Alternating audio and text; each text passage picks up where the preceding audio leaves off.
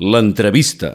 Bé, doncs ja són les 12 del matí aquí en aquesta entrevista de Ràdio Vilabraret. Ja ho saben que a les 12 és el moment del programa de l'entrevista i avui aquí a la ràdio parlarem de medicina i ho farem en aquest cas amb un doctor, amb el doctor Ramió, el neuròleg en qui intentarem conèixer una mica més aquest món de les malalties, aquestes tan freqüents com són esclerosi múltiple eh, i totes les, la L també, amb el cas d'Unzue darrerament, fibromialgia, n'hi ha moltes i moltes que pengen d'aquesta branca com és la neurologia. Anem a saludar ja el doctor Ramió. Primer de tot, agrair-li molt moltíssim la seva visita avui aquí a Vilaurareig. Uh, ja va venir fa un temps i li agraeixo novament que ens torni a acompanyar avui per parlar en calma al programa de l'entrevista. Doctor Ramió, un minut que ha passat a les 12. Què tal? Molt bon dia i benvingut, ben tornat. Com està? Hola, molt bon dia. Molt bé, moltes gràcies. Retornant després del període estival i tornant a, a, a fer girar la roda. Avui parlarem de neurologia, d'aquestes malalties, esclerosi múltiple, fibromialgia, hi ha moltíssimes que pengen d'aquesta branca de la, de la neurologia. Sí, efectivament, eh? la, la neurologia és una, una, una part, no? una branca de la medicina que, que engloba a moltes malalties que són, podríem dir, pròpies de l'especialitat, no? com podria ser l'esclerosi múltiple o l'esclerosi lateral amiotròfica, que són malalties diferents, eh? que encara que la primera paraula sigui la mateixa, a vegades es, es, es confonen i és bo que, que la ciutadania tingui clar que són malalties diferents. Però després n'hi ha d'altres, com, com comentaves, per exemple, la fibromialgia o d'altres, no? en les quals són malalties més complexes, eh, en les quals eh, la neurologia podem aportar una part, però, però són malalties, alguns són malalties que en diguem sistèmiques que afecten a diferents òrgans i un d'ells pot, pot ser el, el sistema nerviós. Diu que hi ha diferències entre l'esclerosi múltiple i l'ELA. Quina seria, per exemple? Bé, n'hi ha, ha, ha moltes, no? però una, una important és que eh, l'esclerosi múltiple és una malaltia eh, neurològica que afecta bàsicament el sistema nerviós central, que això vol dir el cervell, la mèdula, el nervi òptic, i que es caracteritza per fenòmens d'inflamació i fenòmens de neurodegeneració. Mm?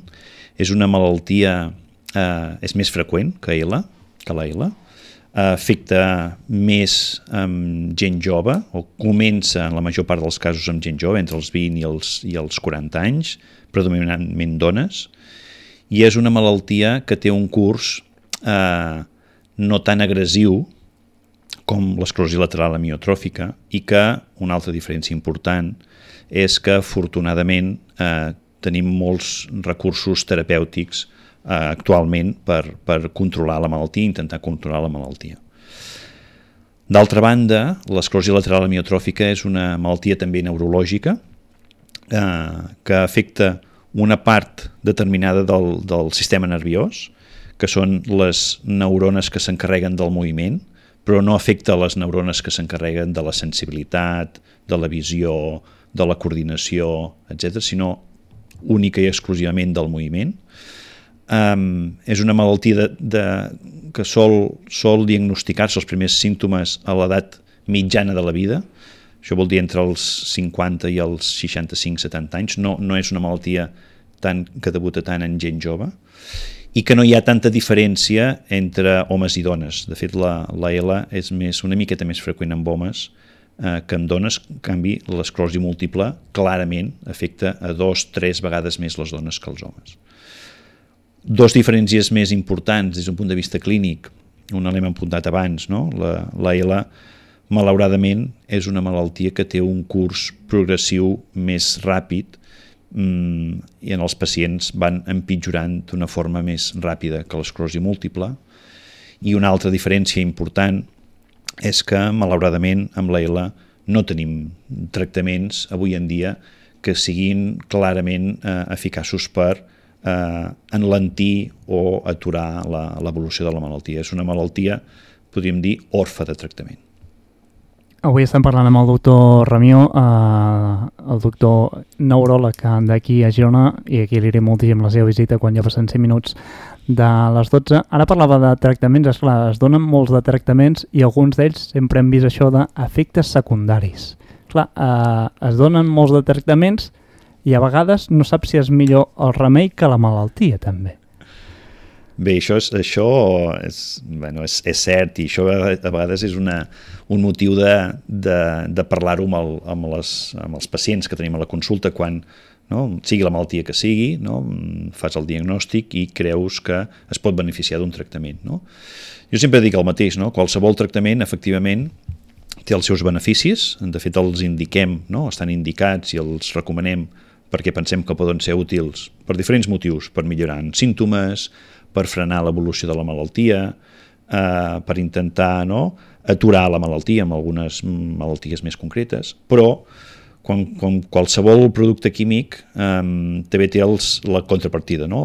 una sèrie d'efectes adversos, que alguns són coneguts, eh, que alguns són freqüents i que d'altres eh, depenen, és a dir, no apareixen tots els efectes adversos amb tothom, sinó que depèn de la idiosincràsia de cada persona. Eh? Hi, ha, hi ha efectes adversos de medicaments comuns, per dir-ho d'alguna manera, que afecten a la major part de les persones, o poden afectar la major part de les persones, però en una persona en concret aquell efecte tan descrit no el té. No? I en canvi poden aparèixer efectes inesperats o poc coneguts en una persona concreta. I això és perquè la nostra, bàsicament, les nostres característiques genètiques són diferents i fan que, eh, igual que l'eficàcia d'un tractament no és el mateix amb una persona que amb una altra, el perfil d'efectes adversos pot ser que sigui diferent entre una persona o una altra.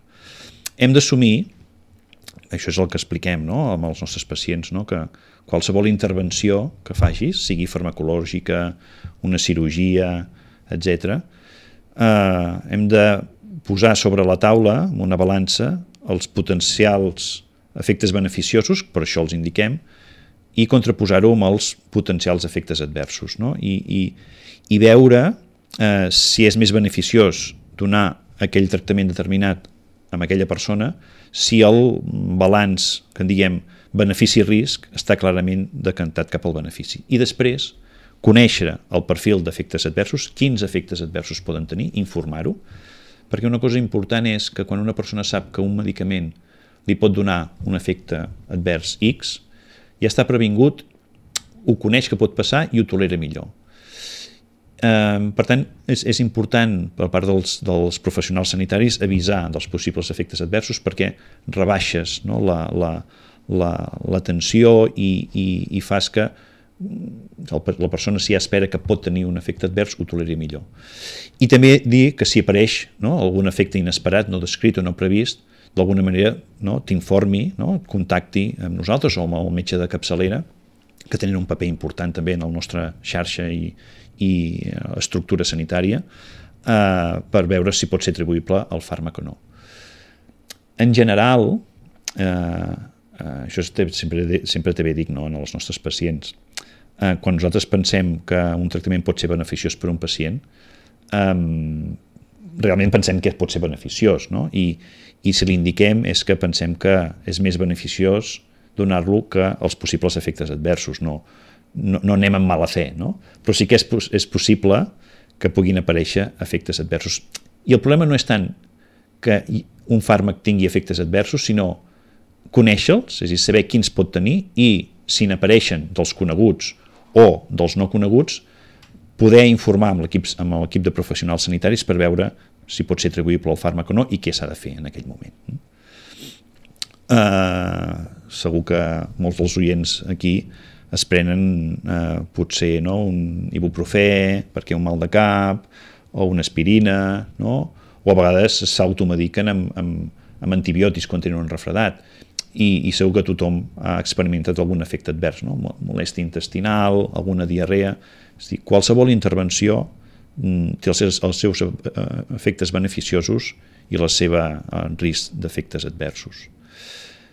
Tornant o una mica encaminant amb l'esclerosi múltiple, eh, sí que és cert no? que en els, en els últims anys eh, han aparegut molts nous fàrmacs per l'esclerosi múltiple.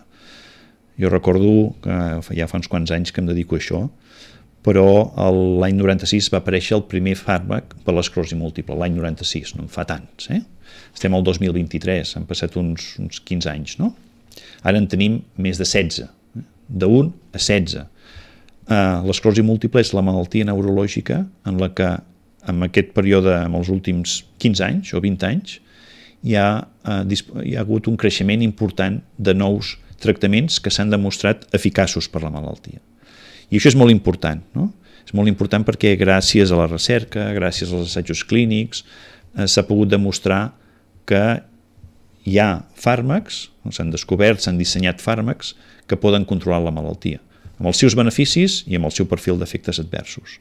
Però també és cert, i tornant als efectes adversos, que els darrers fàrmacs que s'han incorporat en el nostre ús diari, el perfil d'efectes adversos és, per una banda, més conegut, i segon, menys freqüent.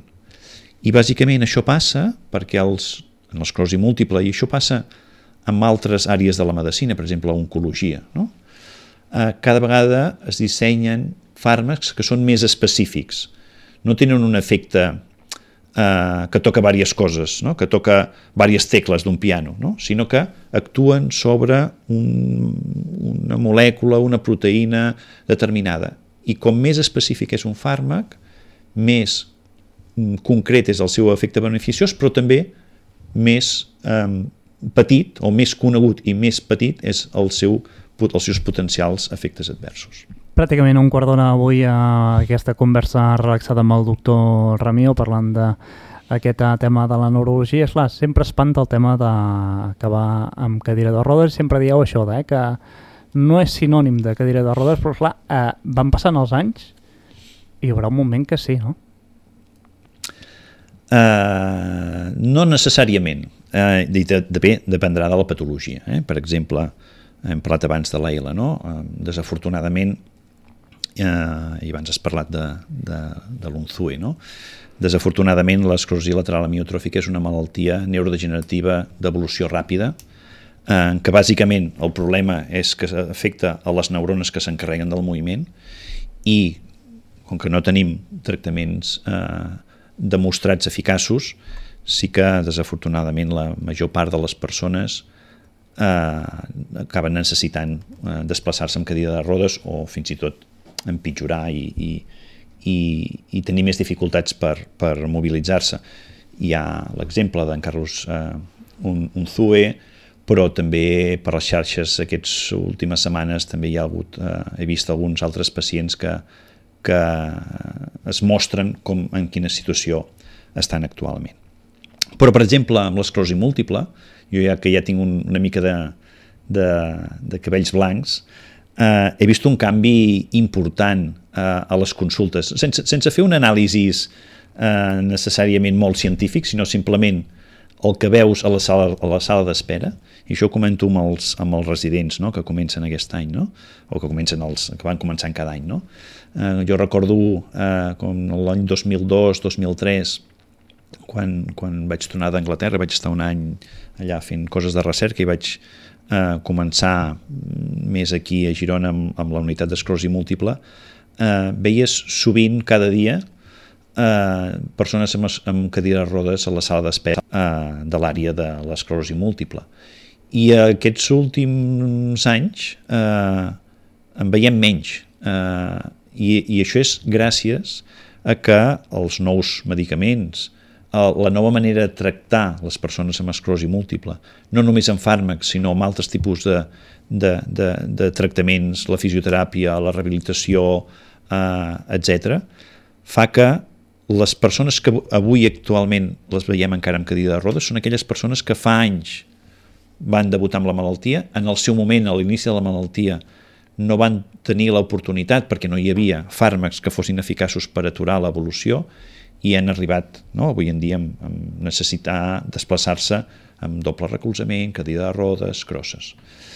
Les persones que en els últims anys estan diagnosticant eh, estan rebent tractaments que són molt eficaços per controlar la malaltia i veiem que el seu empitjorament, primer, hi ha una part de les persones que es mantenen molts anys estables i que sí que és veritat que una part empitjora, però que empitjora d'una forma més, més lenta.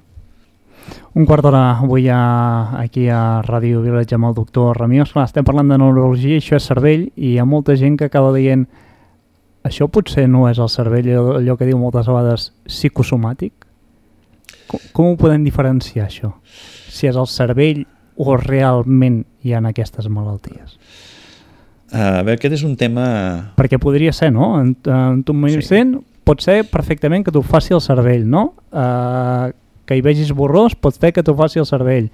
Que tinguis ganes de constantment anar al lavabo pot ser una qüestió de cervell. Sí? Mm -hmm. És així, doctor?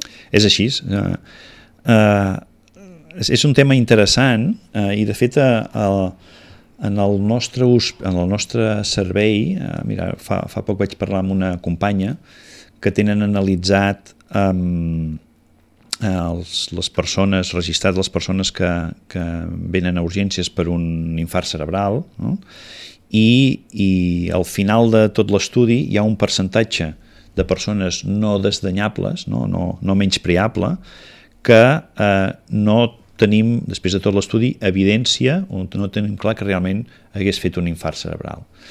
Um, una possibilitat és que aquestes persones eh, fessin no, un, una clínica eh, que podem dir conversiva, no? o, o que el, el, tinguessin uns símptomes que no s'ha pogut demostrar que fos per una lesió orgànica del cervell. Um, tots podem experimentar o podem tenir símptomes que popularment es pot dir psicosomàtic. No? Uh, això ens passa no? quan estem nerviosos davant d'un examen, um, podem començar a suar, el cor comença a bategar d'una forma ràpida. Però això també pot ser crònic? Això es pot mantenir amb el temps.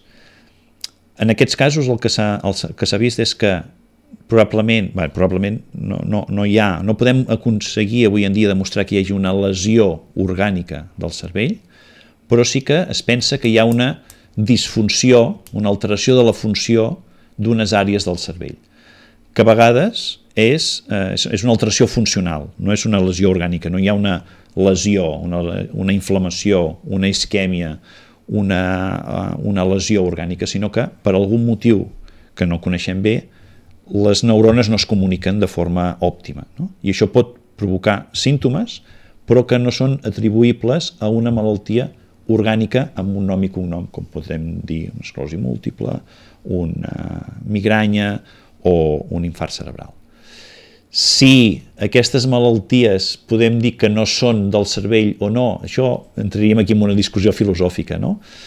Eh, a vegades eh, parlem amb els nostres companys, els, els, els psiquiatres, eh, que estem tractant la mateix, el mateix òrgan. No? Passa que tradicionalment eh, hem tingut un, una especialitat diferent, no? com traumatologia i medicina interna. No?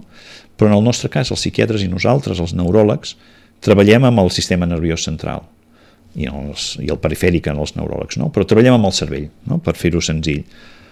Quina diferència hi ha? Que en el nostre cas els neuròlegs treballem amb malalties orgàniques, que podríem dir, és dir, que veiem, sabem que pot haver-hi una lesió d'unes neurones, d'una part del cervell, etc. En canvi, els psiquiatres treballen amb que el cervell no funciona bé. Algunes malalties psiquiàtriques les coneixem bé, que és perquè hi ha un excés on hi ha un dèficit dels de, uh, neurotransmissors, que són unes molècules que serveixen per comunicar una neurona amb l'altra. D'altres malalties psiquiàtriques no coneixem bé la causa, però estem segurs que hi ha un mal funcionament del cervell.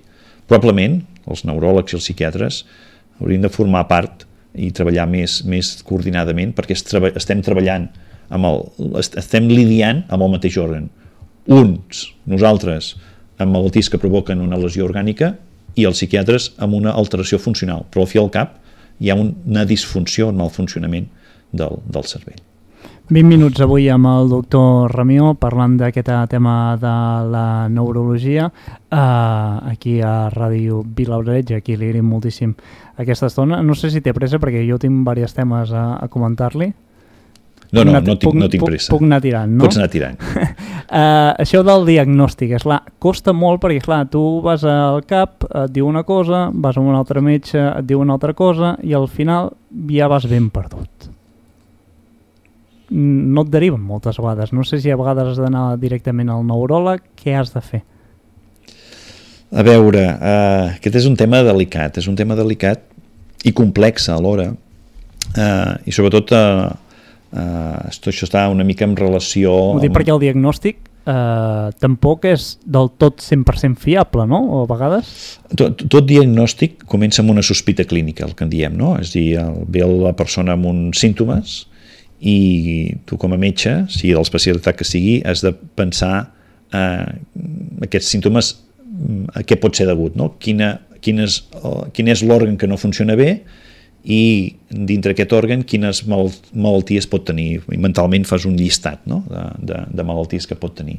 Depenent dels símptomes. Tot, tot, tot, eh, tot el diagnòstic comença primer amb escoltar la persona, escoltar el pacient, la persona que et ve demanant ajuda, que t'expliqui els símptomes, fas una exploració per veure quines àrees del cos no funcionen bé i amb això, primer de tot, has de localitzar o pensar quin és l'òrgan que no va bé i després quines malalties eh, poden donar aquell símptoma, depenent de la prevalença d'aquella malaltia, si són, mal, si són malalties freqüents o poc freqüents, de l'edat de la persona, dels factors de risc, no és el mateix una persona de 20 anys sense cap antecedent que una persona de, que ve per una pèrdua de força d'un costat, que una persona de 65 anys, diabètica, hipertensa, eh, que fa dos mesos va fer un infart eh, cardíac, i que no es controla bé tots els factors de risc vascular. No? El símptoma pot ser el mateix, una pèrdua de força d'un costat, però el context del pacient t'ha de fer pensar en malalties diferents. No? O sigui que totes penses que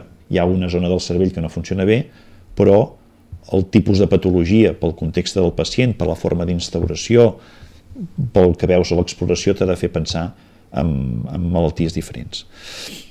En el nostre sistema sanitari, eh, la porta d'entrada, diguem-ne, a no ser que sigui una cosa urgent, no? urgent vol dir que tu estàs bé i de cop estàs malament, eh, hauria de ser l'atenció primària. No? I, I de fet, encara que a vegades no ho sembli, però s'ha de dir que a Catalunya i sobretot a Girona la xarxa de la coordinació i la xarxa que tenim d'atenció primària és de les més ben estructurades eh, encara avui en dia que hi ha al eh, territori espanyol i, i, i molt eh, a nivell europeu. Eh? Sí que és veritat que els últims anys, l'efecte de la pandèmia, la falta de professionals, la situació de la salut, del sistema sanitari en global, ja ho sabem, bueno, ens fa trontollar aquesta estructura, però encara, eh, i menys haig de dir que aquí a Girona, la xarxa d'atenció primària està formada per bons professionals, eh, bons professionals perquè molts els formem, els, els formem nosaltres també i quan venen, venen d'altres comunitats autònomes o de fora eh, es, es, es, eh, sabem no? que, que són bons professionals i, i, i estan bastant enxarxat amb, el, amb, el, amb els centres hospitalaris. No? Però la porta d'entrada ha de ser el metge de família, amb la sospita clínica que ha de tenir i llavors depèn del que, del que pensi eh, te, te deriva en el nostre cas a neurologia. Nosaltres tenim dos sistemes de derivació, no? una més estàndard, enviar-te consultes externes, i l'altra, també tenim un altre sistema, això els últims anys ho tenim establert així, que quan un metge de família té algun dubte, eh, de forma telemàtica, eh, cada setmana ens pot, ens pot comandar el cas i podem discutir-lo. Eh? I això també passa amb, amb altres especialitats com cardiologia, com nefrologia, com digestiu. Eh? hi ha especialitats, mm, per exemple, al nostre hospital, que un cop al mes, o a vegades més freqüent, hi ha un, un, un especialista que va amb diferents centres d'assistència primària i allà els metges de família comenten, comenten casos dubtosos per veure què s'ha de fer, si es pot resoldre a primària o s'ha d'enviar a l'hospital. Sí que quan hi ha una, una sintomatologia urgent, eh, i això de l'urgència doncs és difícil, no? de, cadascú pensa quan li passa una cosa és molt urgent, no? però eh, sempre hi ha una altra porta d'entrada que és a urgències i allà sempre hi ha primer els metges d'urgències i després els especialistes si hi ha algun dubte. Sí que és veritat, una mica amb la línia que apuntaves, que a vegades alguns símptomes neurològics són poc clars, no? no apareixen de forma sobtada, són d'intensitat lleu, per exemple, no? persones que diuen, ostres, fa uns dies que sembla que tinc uns dits una mica adormits no em molesta excessivament, no és per anar a urgències, fa uns dies que m'ha passat això i, i, i potser aquests símptomes duren 4 o 5 dies i després desapareixen, i després ja, ja no te n'oblides. Això, per exemple, podria ser no? un, un símptoma d'una petita inflamació que eh, sigui l'inici d'una esclerosi múltiple. Mm, una mica el missatge és que quan una persona té uns símptomes que són continuats, eh, nous, diferents dels habituals, i que el preocupen, contacti amb el, amb el metge d'atenció primària o l'equip d'atenció primària i a partir d'aquí després ja s'engega tot, s'hauria d'engegar tot el mecanisme. Deia el diagnòstic, doctor, es parla de la ressonància magnètica, de tot plegat, aquí es veu ja al 100% eh, què és aquella malaltia, el que deia moltes vegades, que és esclerosi múltiple, que és ELA, que és fibromiàlgia... Mm, dependrà de la patologia. Eh? El, el, una cosa màxima en medicina és que eh, la sospita clínica i l'expressió neurològica o l'expressió general és la que t'ha de portar en el 90% en el, dels casos en la sospita diagnòstica. I tu primer has d'escoltar el pacient, el que t'explica i fer l'exploració. I amb això, eh, el 90% de les vegades penses en quina és la primera opció de malaltia, el primer diagnòstic. Normalment fem mentalment una llista, no? Aquesta persona pot tenir esclerosi múltiple, però també podria tenir un tumor cerebral o un infart cerebral, etc. No? I en funció del que tu pensis, que pot tenir, s'han de fer les proves complementàries, que dependran de la patologia. És a dir, no totes les malalties neurològiques, entre cometes, es veuen a la ressonància. No totes les malalties neurològiques, entre cometes, es poden diagnosticar amb un electroencefalograma. Què es veu, doncs, per exemple, en un encefalograma, en una ressonància? Què es pot veure? La, la ressonància és una foto, és una foto estàtica del cervell i, per tant, totes les lesions que provoquen una lesió estructural del cervell, eh, la, una prova important és la ressonància. Per exemple, l'esclerosi múltiple, que veiem focus d'inflamació repartides per diferents Així zones del cervell. es veu, eh? Es veu perfectament. Es pot veure, Es sí. pot veure. Es pot veure, sí els infarts cerebrals, els tumors cerebrals. Eh? Per exemple, altres proves, l'electroencefalograma és una prova que mira l'activitat del cervell i bàsicament s'utilitza eh, en casos d'epilèpsia, no? amb sospites d'epilèpsia. La major part dels casos d'epilèpsia en gent jove no hi ha una lesió estructural en el cervell, sinó que hi ha una mal, una mal funcionament del cervell, hi ha una zona del cervell que està més activa del normal i això es pot detectar amb l'electroencefalograma. No?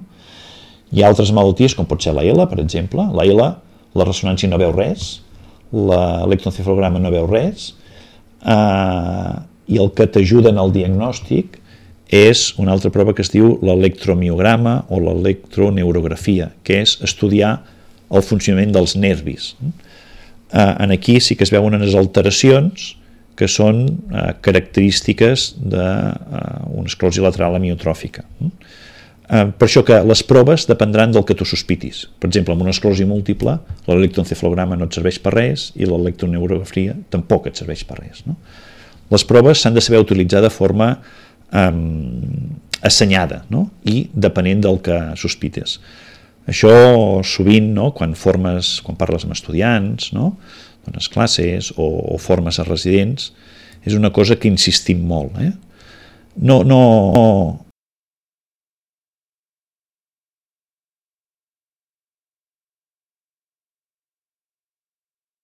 hauríem de demanar les proves que tu creguis que poden ajudar a fer el diagnòstic o a descartar-ne uns que sospitis.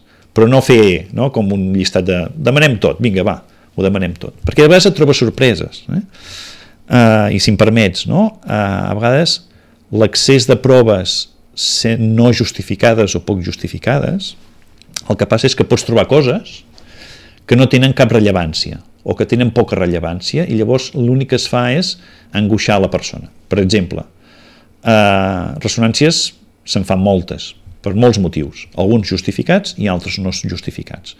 Però ens, sovint, ens trobem sovint que un, un metge, un metgessa, un facultatiu, demana una ressonància, pot ser justificat, pot ser no justificat, però es poden trobar el que diem troballes inespecífiques, és a dir, imatges que no sabem si són lesions o no són lesions, però són imatges que podem veure en el cervell que simplement per l'edat o per l'haver fumat o pels altres factors o bé mm, perquè al naixement doncs, va haver-hi una miqueta de, de, de problemes a l'hora del part no?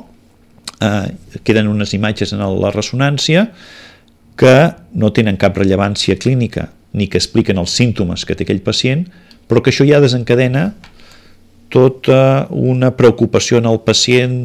Això fa que com aquestes proves amb aquestes imatges que no queden clares s'envia al neuròleg, genera tota una sèrie de visites i d'angoixa en el pacient que al final eh, fas un estudi en profunditat i no tenen cap rellevància i has generat però totes uns, unes preocupacions i unes eh, visites mèdiques innecessàries simplement a vegades per haver demanat proves que no estaven indicades. Ara que parlem de diagnòstic, és clar, a mitja hora avui amb el doctor Ramió, també té Twitter i l'anem seguint i hem vist també el tema aquest uh, que cada dia s'encén a parlar més, intel·ligència artificial. I és que la intel·ligència artificial també està entrant en aquest món. Està entrant i, i fa temps que l'estem utilitzant. Eh? Intel·ligència artificial és, és un uh, concepte uh, molt ampli, i és, és totalment d'acord i és cert no, que eh, els últims que des del Covid, eh, des del Covid se, se n'està parlant més i, i evidentment no, amb, amb salut és una, una tecnologia que anirà més no? però, però intel·ligència artificial fa temps que s'utilitza en, en medicina i en neurologia Pensem que l'anàlisi o, el postprocessat que en diem d'algunes proves, com pot ser les proves d'imatge, la ressonància, els tacs, fins i tot proves eh, fisiològiques, ja eh, no, s'adquireixen d'una manera amb la màquina i després hi ha un postprocessat que això ho fan uns algoritmes no, que són de que podem dir que són d'intel·ligència artificial.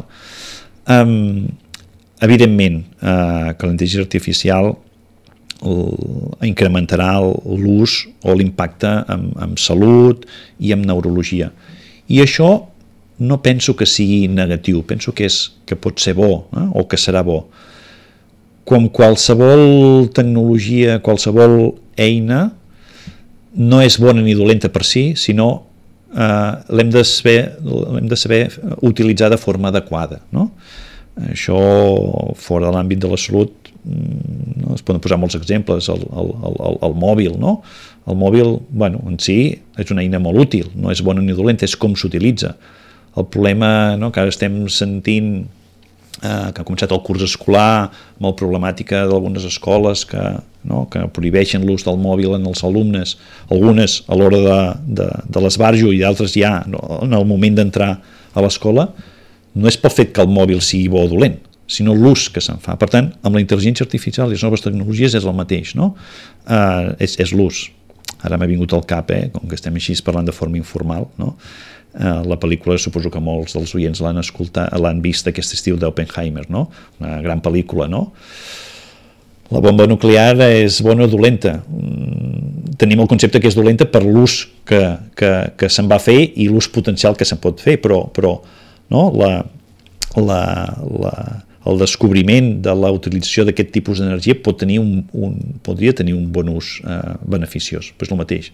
Fa, abans de l'estiu, recordo, em vaig estar escoltant una, una xerrada sobre intel·ligència artificial aplicada en educació, estic a l'àmbit universitari, a la Facultat de Medicina d'aquí Girona, i era una xerrada, bueno, una jornada interessant i, i, i la vaig escoltar. No vaig poder anar-hi presencialment, però la vaig escoltar.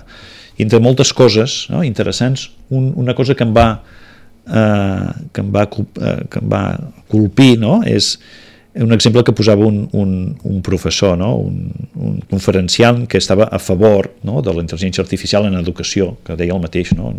és l'ús que se'n faci, diu la calculadora no? que eh, és, és, és una eina que, que té una gran utilitat. No? Eh, en els seus anys enrere, jo recordo quan era jove, teníem hi havia els dubtes quan anaves a l'escola o a l'institut si portar la calculadora o no. Hi havia exàmens que et deixaven portar la calculadora i professors que no, que havies de fer humà. Avui en dia això s'ha normalitzat. Eh, els, eh, els alumnes van a classe i els professors no, eh, permeten l'ús de la calculadora per fer càlculs, perquè Lo important no és saber calcular, calcular allò, sinó saber no, quina és la fórmula per calcular-ho. Per tant, la calculadora, una eina tecnològica nova, en el seu moment va crear una mica de rebombori si es podia utilitzar o no, i s'ha convertit en una eina d'ús habitual. No?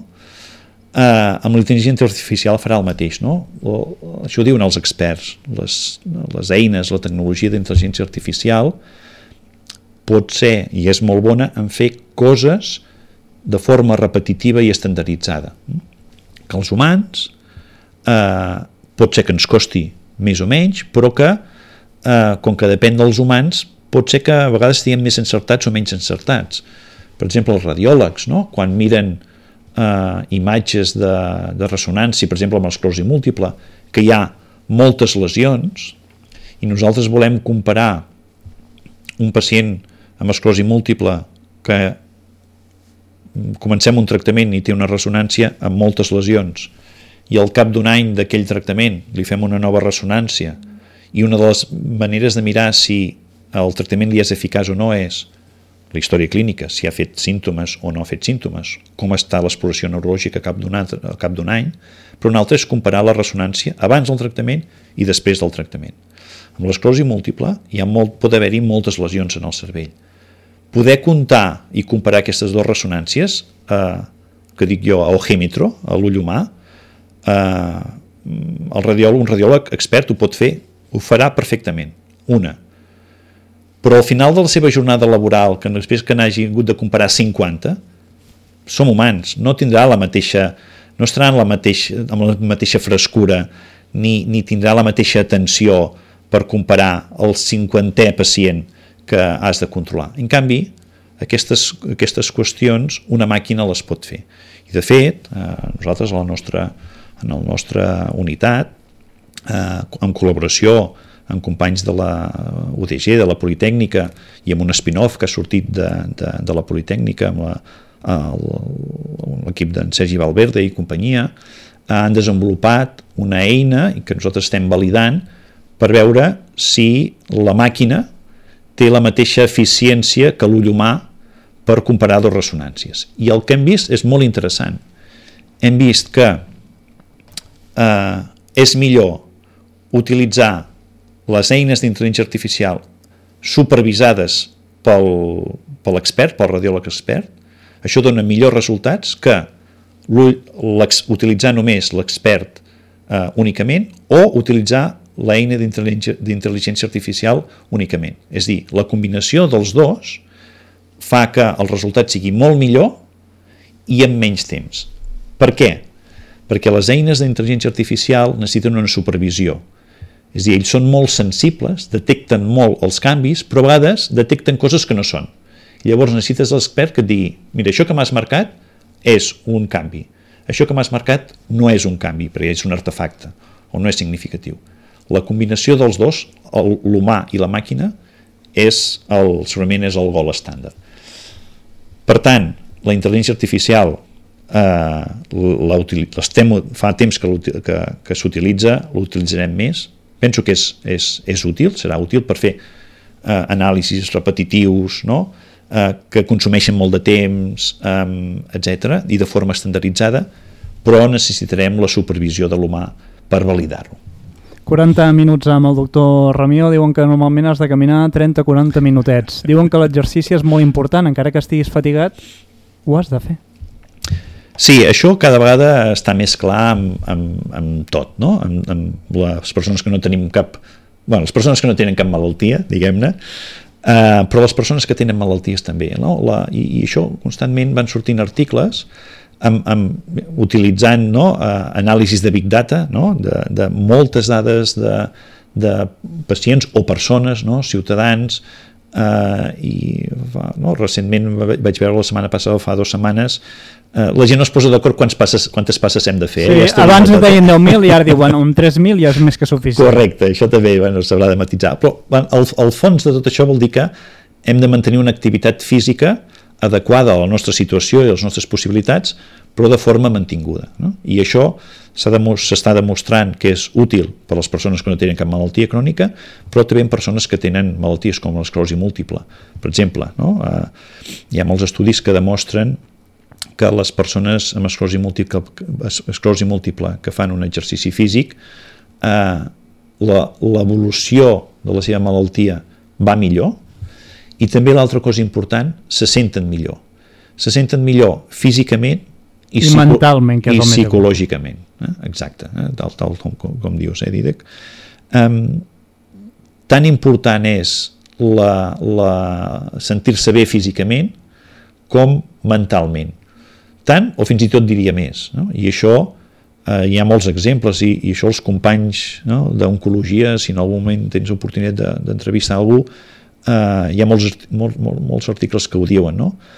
eh, la, la, com una afronta no? una malaltia crònica i greu, com pot ser un càncer o una esclerosi múltiple, la manera d'afrontar-ho i que un estigui bé mentalment, amb ajuda, eh, si cal, amb ajuda de professionals, eh, psicòlegs, acompanyament de la família, de l'equip de sanitaris, si cal medicació, eh? però sentir-se bé mentalment eh, fa que aquestes malalties cròniques eh, vagin millor. I això mm, no només s'ha demostrat amb, amb, després ara t'explicaré una cosa que m'ha vingut al cap no només s'ha demostrat amb testos de qualitat de vida que dius, bueno, està clar, no? si jo em sento millor doncs apuntaré millor, però també si analitzes factors biològics eh? s'ha mirat no, uh, hormones o, o, o biomarcadors moleculars no? que són propis d'una malaltia determinada que quan les persones estan expressen que estan millor des d'un punt de vista de l'estat d'ànim o psicològicament, alguns paràmetres eh, bioquímics milloren. No? Eh, I que això no està influenciat pels tractaments, sinó per l'estat mental. Està clar que, que el nostre estat mental està connectat amb el nostre cos, eh? i passa que a vegades no, no coneixem bé quins, quines són les vies, no? quins són els mecanismes, no? però, però que està connectat d'alguna manera segur.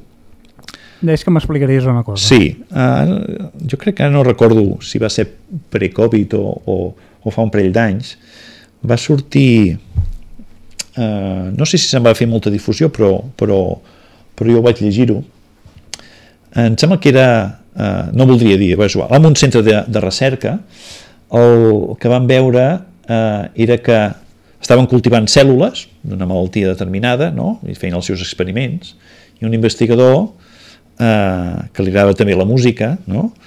va, va voler fer un experiment i el que va fer és que va posar a l'habitació on hi havia les cèl·lules que, que s'estaven cultivant, unes quantes va posar una habitació en silenci, com es fa normalment, vaja, no? i una altra habitació, cèl·lules equivalents, amb música. Sembla que era música clàssica, de forma eh, mantinguda, no? com si fos un fil musical. I el que vam veure és que amb, els, amb el, tots els altres paràmetres controlats el mateix. El que vam veure és que les cèl·lules en què estaven constantment a l'habitació on hi havia música es movien més. I això era una senyal de que estaven com més actives. No? I, i, i no sé si s'ha replicat això, eh? però vas, va, va, va impactar. No? Per quin mecanisme passa això? Segurament no ho coneixem, però, però està clar que, eh, no sé si podem dir que les cèl·lules estaven més contentes amb la música, no? però està clar que si ho traslladem no? amb, amb, el, amb les persones, si un emocionalment està bé, està tranquil, encara que tingui una malaltia crònica, si l'afronta de forma saludable, es frenen una miqueta.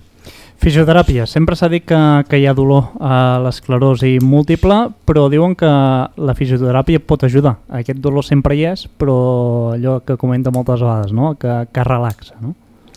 Sí, la, la rehabilitació, la fisioteràpia és un, és un, és un tractament eh, important de qualsevol malaltia neurològica que hagi deixat o que tingui unes seqüeles o que tingui uns símptomes residuals. No?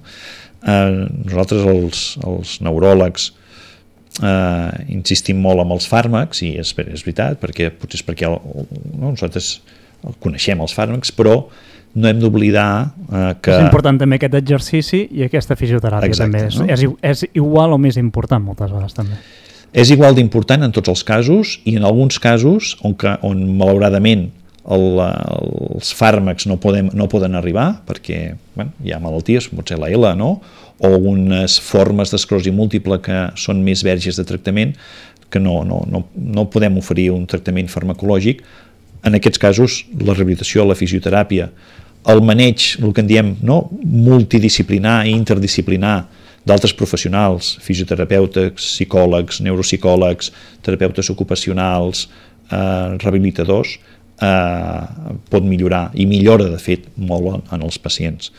Eh, L'important en aquestes malalties complexes, com pot ser l'esclerosi múltiple o la L, és eh, tenir un equip multidisciplinar que veiem tots de forma coordinada les persones des de diferents angles amb, amb cadascú amb la nostra expertesa, però l'important és que tots treballem de forma conjunta eh, en benefici d'aquell pacient. Eh, anant a la L, nosaltres el nostre servei de neurologia des de fa uns, uns, uns quants anys i ara properament sortirà una nota de premsa eh, que hem fet una mica de revisió, no? vam estructurar una unitat d'L de referència de la regió sanitària de Girona formada per, per, per un equip multidisciplinar eh, neurologia, fisioteràpia, psicologia, pneumologia, eh, endocrinologia, nutrició, eh, neurofisiologia, etc. I, i, I es treballa de forma coordinada. Quan venen els pacients a, a la unitat, eh, aquell mateix dia són vistos pels diferents professionals de forma coordinada. I això hem vist que eh, són unes dades preliminars, però hem vist que la supervivència dels pacients que vam, van acudir la unitat quan la vam crear al principi, comparat amb ara, després d'uns de, 5 anys, ha augmentat. I els fàrmacs són els mateixos ara que abans, malauradament no n'hi ha, però aquest maneig multidisciplinar eh, pensem que ha ajudat a que eh, millori aquesta supervivència hi ha molts de fàrmacs, ho comentàveu, però això de l'incertesa, eh? també eh, entre vostès també no saben com pot evolucionar aquesta malaltia perquè encara no se saben moltes i moltes coses i tu pots pensar que aquest fàrmac t'anirà molt bé i aquell fàrmac potser no fa absolutament res i la malaltia va avançant sense tu explicar-te per què. Sí, um, hem d'anar tirant cap a el que es diu la medicina de precisió. Hi ha dos conceptes que, mira, justament l'altre dia parlàvem amb els estudiants de Medicina eh, i això està, els últims anys s'està debatent molt, no? Um, els conceptes que uneix la medicina personalitzada i l'altra de medicina de precisió.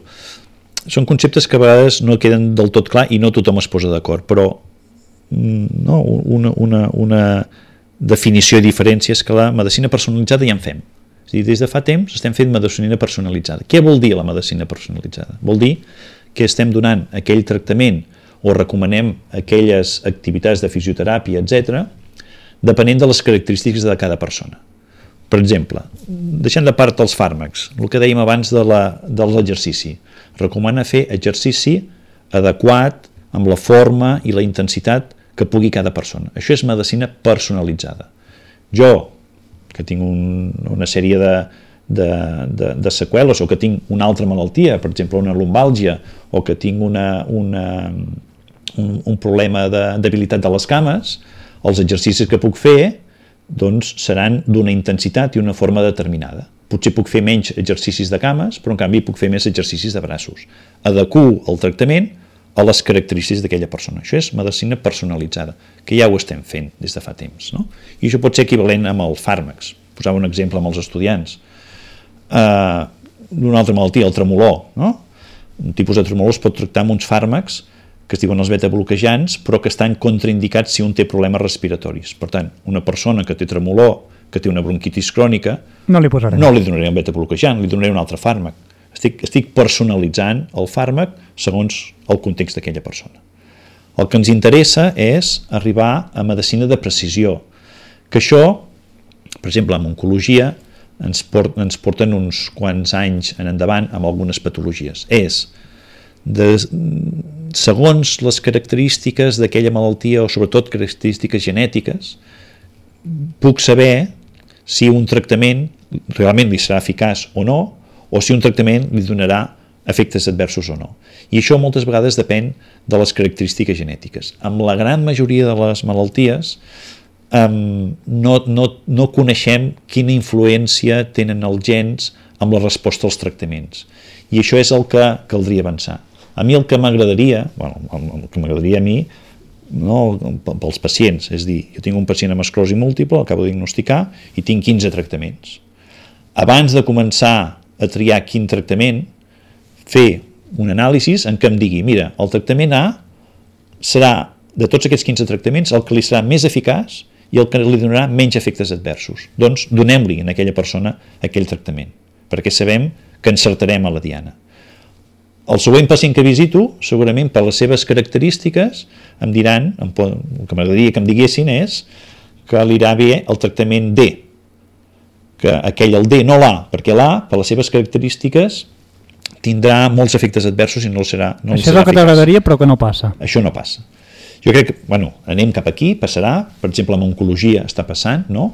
Hi ha mm, això segurament alguns, no, els, alguns oients eh, potser ho, ho coneixen casos o ells mateixos, no? amb algun tipus de càncer de mama amb unes característiques de receptors o genètiques determinades, els, els oncòlegs els han recomanat un tractament perquè sabem que eh, actua quan tenen aquesta alteració genètica, aquell tractament és el millor. I, en canvi, no li funciona un altre. Amb esclerosi múltiple, per exemple, hem començat a fer un petit pas. No? Hi ha un fàrmac en què, eh, prèviament a donar aquell fàrmac, fem un anàlisi genètic perquè sabem que si hi ha un polimorfisme genètic, és a dir, unes característiques genètiques, sabem que hem de reduir la dosis o fins i tot no li podem donar perquè tindrà molts efectes adversos. Això comencem a fer uns petits passets. Eh? però això s'hauria de generalitzar. no donar medicina, si veus que... Perquè, perquè a, a, ens sol passar, eh? anem al metge i pensem, no m'ha donat res, quin mal metge, no? A vegades la meva àvia m'ha diu, he anat avui al cap i no m'ha donat absolutament res. I dic, potser és el que convenia, àvia. Uh, Allò de, sí, sí. si no recepten un medicament... És que no ho fem bé, no? Sí, sí, sí. Això, això, això eh, és, una, és una qüestió que la població hauríem d'educar, no? educar-nos, no? que no necessàriament per tractar, no? Tractar, no, tractar una malaltia, una persona amb una malaltia, no vol dir donar un, no, donar un fàrmac. A vegades tractar és simplement escoltar-la, no? O no donar un medicament, perquè sabem que li pot donar més problemes que no pas beneficis. Eh? Sí que a vegades et trobes eh, eh, persones que, que volen alguna cosa, no? que volen eh, un tractament. O volen una prova, per exemple, eh, en el nostre àmbit, no? Eh, jo que, que, que a vegades faig visites de neurologia, de neurologia general, no? Eh, persones amb mal de cap, un mal de cap que és de tipus tensional, no? Eh, a vegades veus que volen una prova d'imatge, no? un TAC, un TAC per, per, per, perquè, per descartar qualsevol cosa. Moltes vegades, eh, sí, el que dèiem abans, la història clínica, l'exploració, a tu et fa pensar que és un mal de cap de tipus tensional, que no té cap alteració a l'exploració neurològica, que pel que t'explica el pacient no sospites cap tumor, cap hemorràgia, eh, cap malformació ni res, no cal demanar un TAC.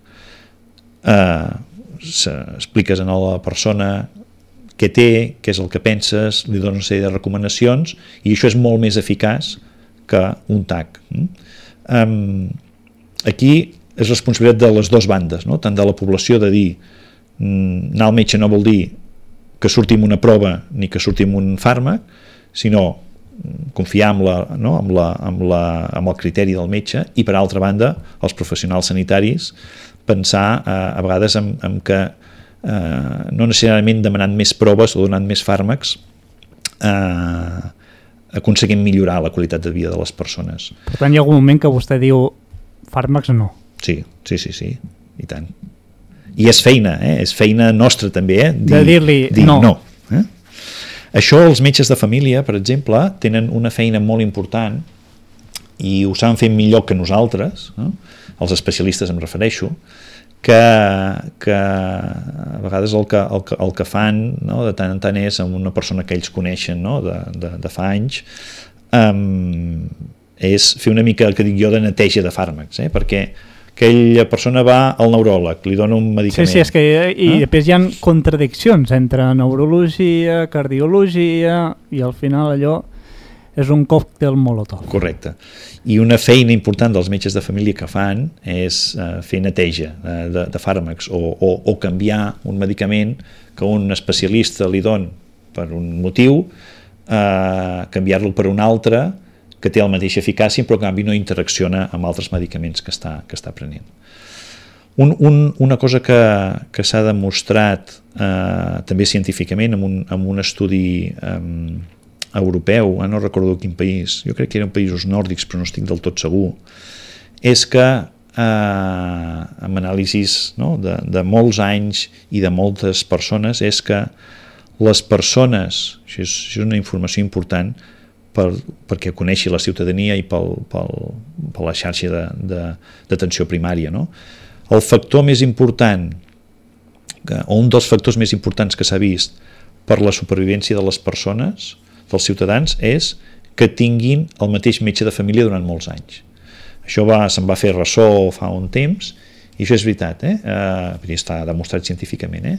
Una persona que té de referent el seu metge de família durant molts anys, també s'han de jubilar els metges de família, eh? eh, quan toca, però vull dir que no, no, no cada dos anys s'ha de canviar el professional que, que coneixen aquella persona, sinó aquells que mantenen eh, que el, el mateix professional durant molts anys tenen una millor supervivència i millor qualitat de vida, perquè aquella persona coneix molt en aquell, en aquell professional, coneix molt aquell pacient i per tant eh, fa medicina personalitzada, el que dèiem abans.